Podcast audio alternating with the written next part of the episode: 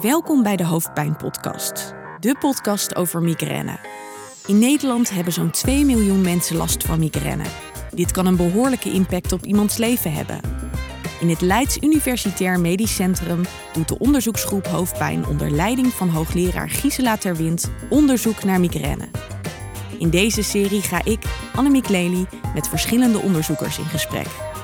Wat is migraine precies? Welke verschillende vormen zijn er? Hoe kan het behandeld worden? En wat doet de onderzoeksgroep hoofdpijn nou eigenlijk?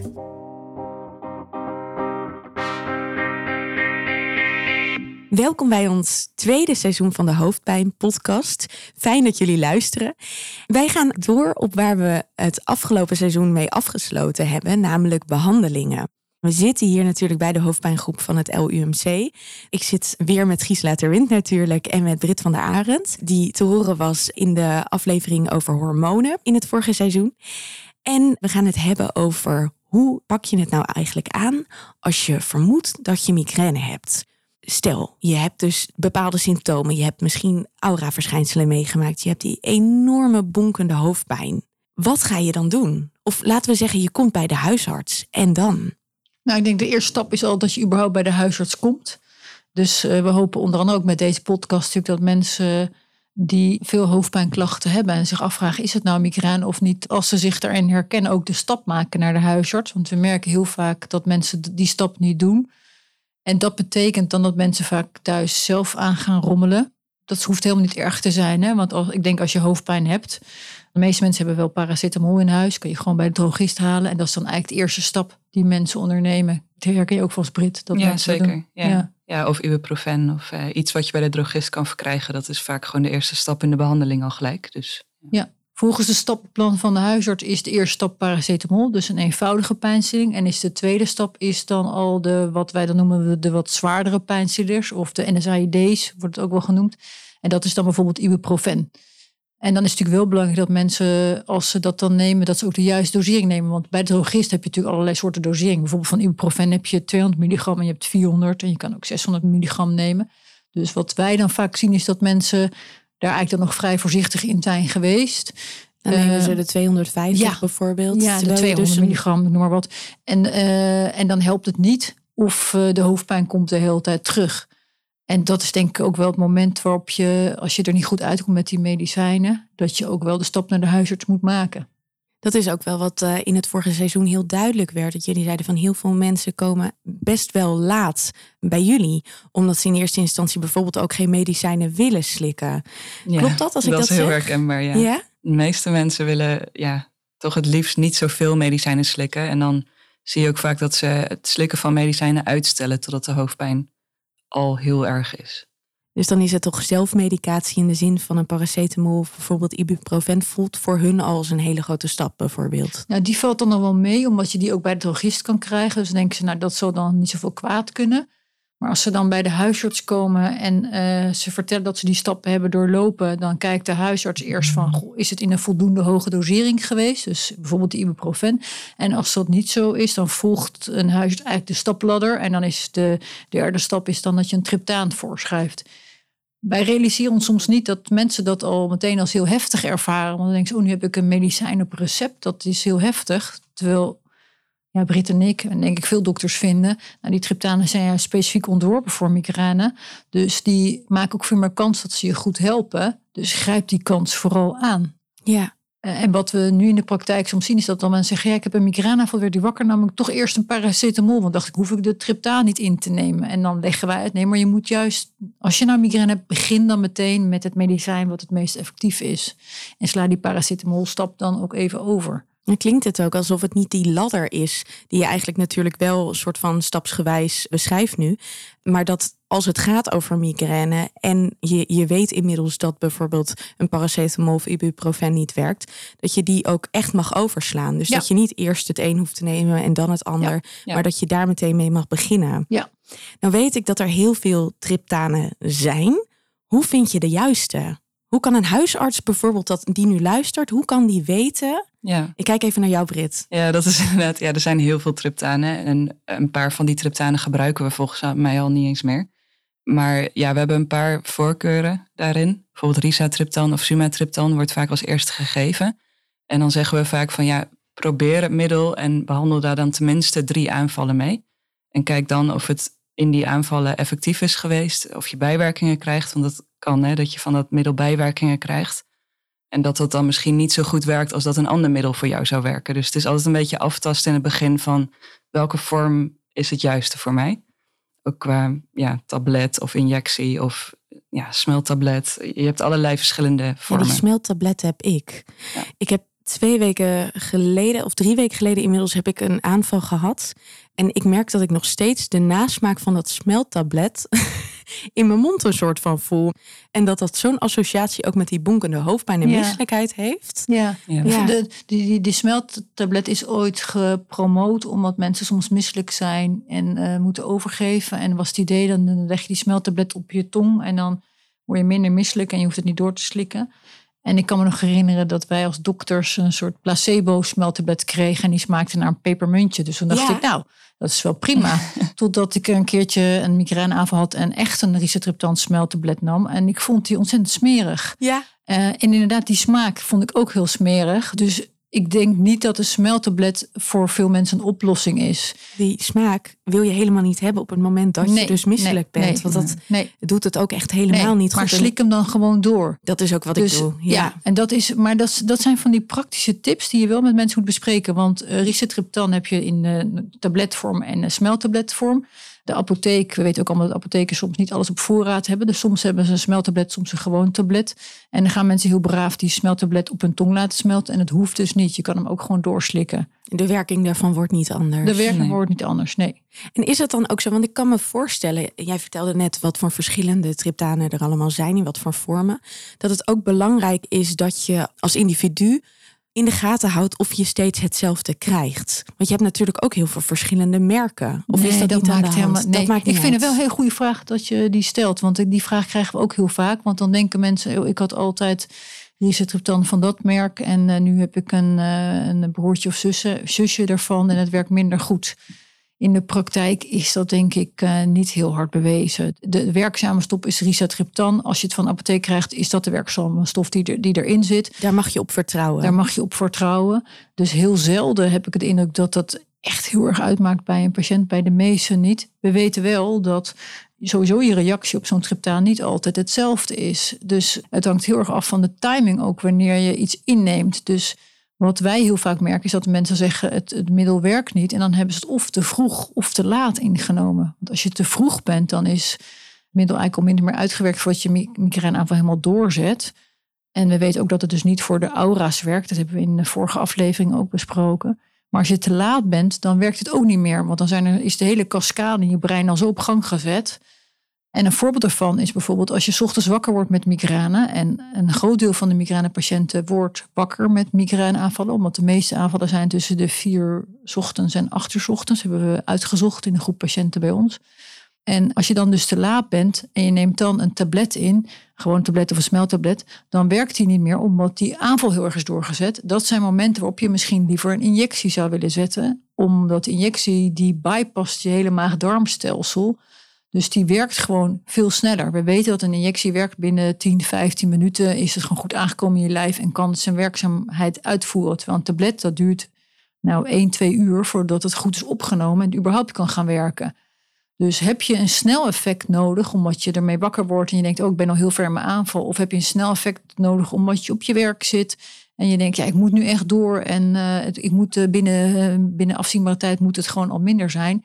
Dan raden we vaak een injectie aan. Of als je heel erg braakt bijvoorbeeld. Als je al gelijk heel misselijk bent met braken, dan is een injectie denk ik ook beter. Ja, dan kan het niet meteen weer terugkomen natuurlijk in, eh, ja, in je braakstoel. Ja, Ik vraag me af, hè, want mensen komen natuurlijk naar de huisarts, daar hebben we het net over gehad. Die proberen bijvoorbeeld wat verschillende triptanen, of misschien zelfs, eh, want dit zijn de acute medicatie.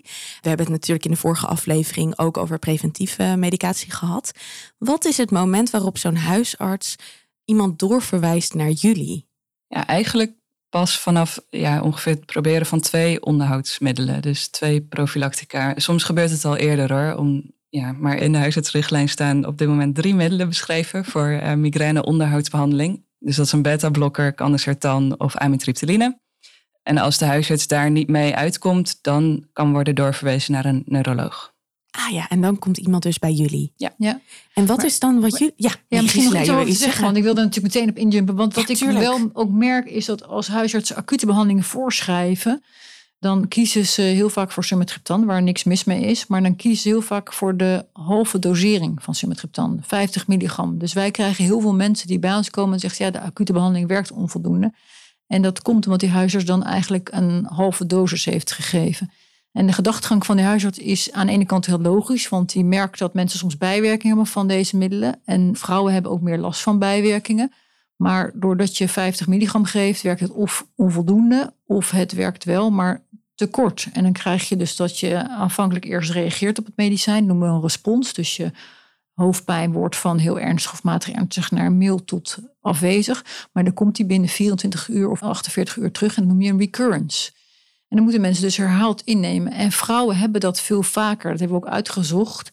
Dat vrouwen meer bijwerkingen rapporteren. Nou, eh, dat komt omdat ze gewoon een lager gewicht hebben en een lagere lengte. Dus de dosis komt meer aan. Maar daarbovenop kan het ook nog zijn dat het metabolisme van vrouwen wat anders is dan van mannen. Dus dat daarom sowieso het middel wat harder aankomt. En omdat het dan harder aankomt, denkt hij juist, ik ga het halveren. En dan hebben die vrouw juist wel meer recurrences. En dat leidt tot herhaald innemen. En dat leidt, dat geeft, heeft als risico dat je medicatie overgebruikshoofdpijn initieert, omdat je de hele tijd die triptanen nodig hebt. Een En- van de onderwerpen waar wij het in Ja. deze serie Ja. zeker Ja. over gaan hebben. Ja. En daar komen we dan later ook op terug. Maar dat, je ziet dus dat soms huisartsen naar ons verwijzen. En dan is het hele proces al geweest. Terwijl het eigenlijk jammer is, omdat ze eigenlijk of de sumatriptan hoger hadden moeten doseren. Of ze hadden eigenlijk ook nog met andere triptanen aan de slag kunnen gaan. Zoals risatriptan of elitriptan. Je hebt ook nog naratriptan. Nog somitriptan, eh fromitriptan. Dus je hebt heel veel triptanen.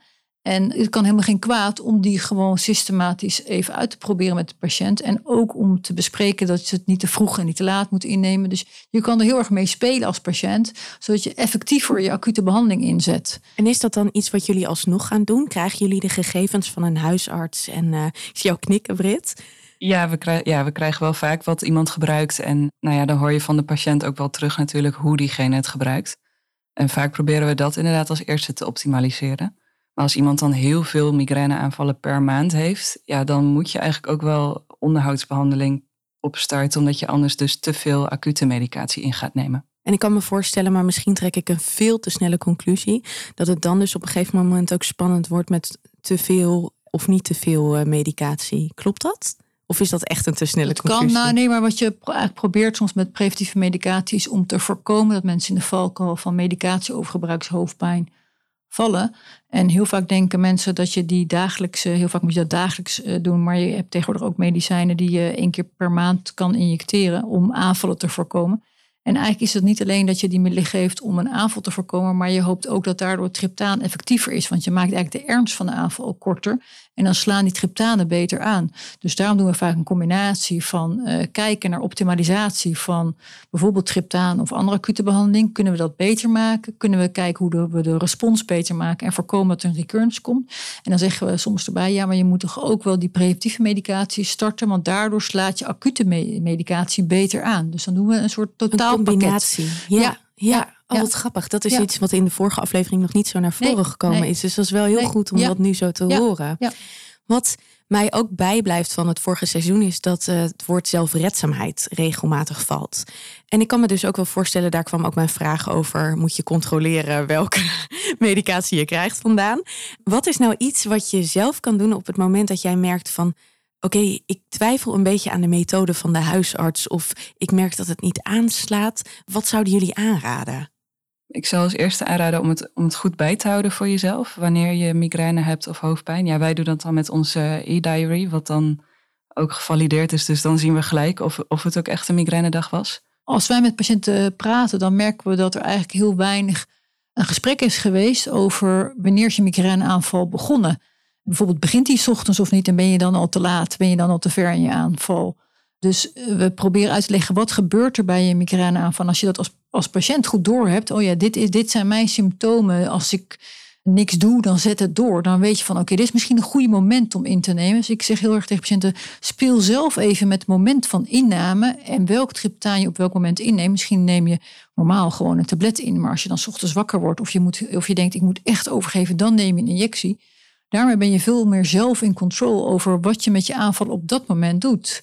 En dat moet je ook bespreken met je dokter. Dat, dat je kan zeggen, ja, ik neem het in, maar het komt, eh, de volgende dag komt hij altijd terug. Als je dat zegt tegen je huis, dan kan hij daar ook weer maatregelen voor nemen. Wij geven dan bijvoorbeeld wel eens een langwerkend NSAID. Dus uh, zeg maar de ibuprofen, maar dan uh, de, een, een, andere vorm. dat, Etoricoxib. Ja, etoricoxib, ik kan het nooit uitspreken. Maar het is dan langwerkend NSAID. Dankjewel, Brit. Ja, ja heel goed, Brit.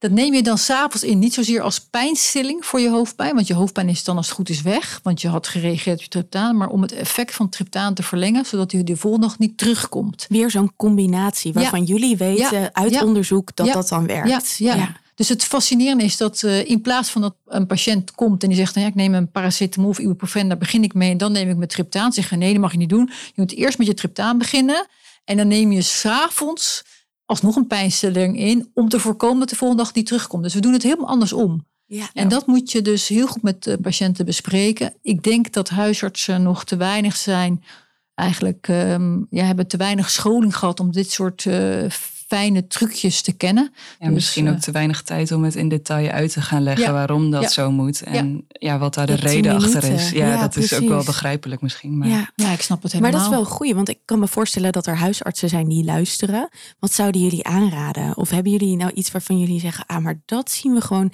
dat dat net te vaak niet helemaal lekker verloopt.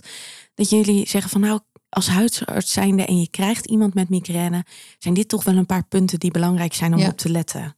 Nou, ik denk één, geef niet sumatriptan 50 milligram, maar geef gewoon een normale dosis. Prima om met sumatriptan te starten. Geef tabletten mee, maar ook injecties. Wij geven ook heel vaak twee of drie injecties mee. Dan zeggen we van als de aanval nou doorzet en je, en je moet heel erg braken, dan is dat je escape dan hoef je ook niet naar de EBO te gaan voor je aanval. Want die aanval is dan al zo doorgezet, daar kan niemand dan weer wat mee. Dus je bent eigenlijk je eigen EBO-kit heb je bij je. En als huis denk goed om ervaring te doen met een aantal triptaan. Dus wij gebruiken heel veel sumatriptan, wij gebruiken risatriptan uh, veel en we gebruiken elitriptan. Elitriptan is een wat langer werkend middel. Die zetten we dan soms in als mensen veel last hebben van die recurrences. En dan geven we ook soms twee tabletten tegelijk. Dus dan zeg ik altijd, heb je je portie voor die dag op. Want je mag maximaal twee tabletten op een dag. Maar daarmee kan je ook weer die recurrences voorkomen. En zet eventueel Arcoxia in s'avonds voor het slapen gaan. Als langwerkend NSAID ook om die recurrences te voorkomen. Dus je moet eigenlijk, de ingrediënten zijn bekend, hè? de triptanen zijn bekend, maar de receptuur, hoe je het precies moet maken, dat is een soort kokkerellen en een kookboekje. En dit zijn denk ik de handvaten die zijn voor patiënten en voor huisartsen heel handig om te weten eigenlijk een heel snel uh, tweede stappenplan. Want ze hebben er al eentje, maar dit zijn net iets gedetailleerder in sommige dingen. Heel fijn. Wij gaan natuurlijk nu een tweede seizoen maken. Daar zijn we nu vandaag aan begonnen. Wat zijn nou zo al onderwerpen die de luisteraar kan verwachten? Nou, we willen binnenkort een opname doen met de psycholoog over hoe je nou omgaat, hoe om te gaan met pijn eigenlijk. En ook vanuit patiëntperspectief is dat natuurlijk wel interessant. Als, ja, iedereen gaat daar anders mee om. Iedereen kan ook anders tegen pijn. De ene kan er wat beter tegen dan de ander. Wat hebben we nog meer voor onderwerpen? Nou, nieuwe behandelingen. Er komen de, komende jaar heel veel nieuwe behandelingen. Dus we gaan nog uitgebreid hebben over de nieuwe behandelingen voor de acute zorg van je migraineaanvallen. En uh, we gaan nog hebben over de preventieve behandeling en ook de nieuwe behandelingen die daarvoor mogelijk zijn. Andere vormen van hoofdpijn gaan we nog bespreken. Uh, clusterhoofdpijn, nou, voorlopig hebben wij gewoon een hoop onderwerpen waar, waar, waar, we het over kunnen hebben. Maar het is fijn voor de luisteraar om al een beetje een tipje van de sluier te krijgen. Wat ze zo al kunnen verwachten. Dank jullie wel weer en uh, tot de volgende aflevering. Ja, graag gedaan. Deze podcast werd gemaakt in opdracht van de onderzoeksgroep Hoofdpijn van het Leids Universitair Medisch Centrum.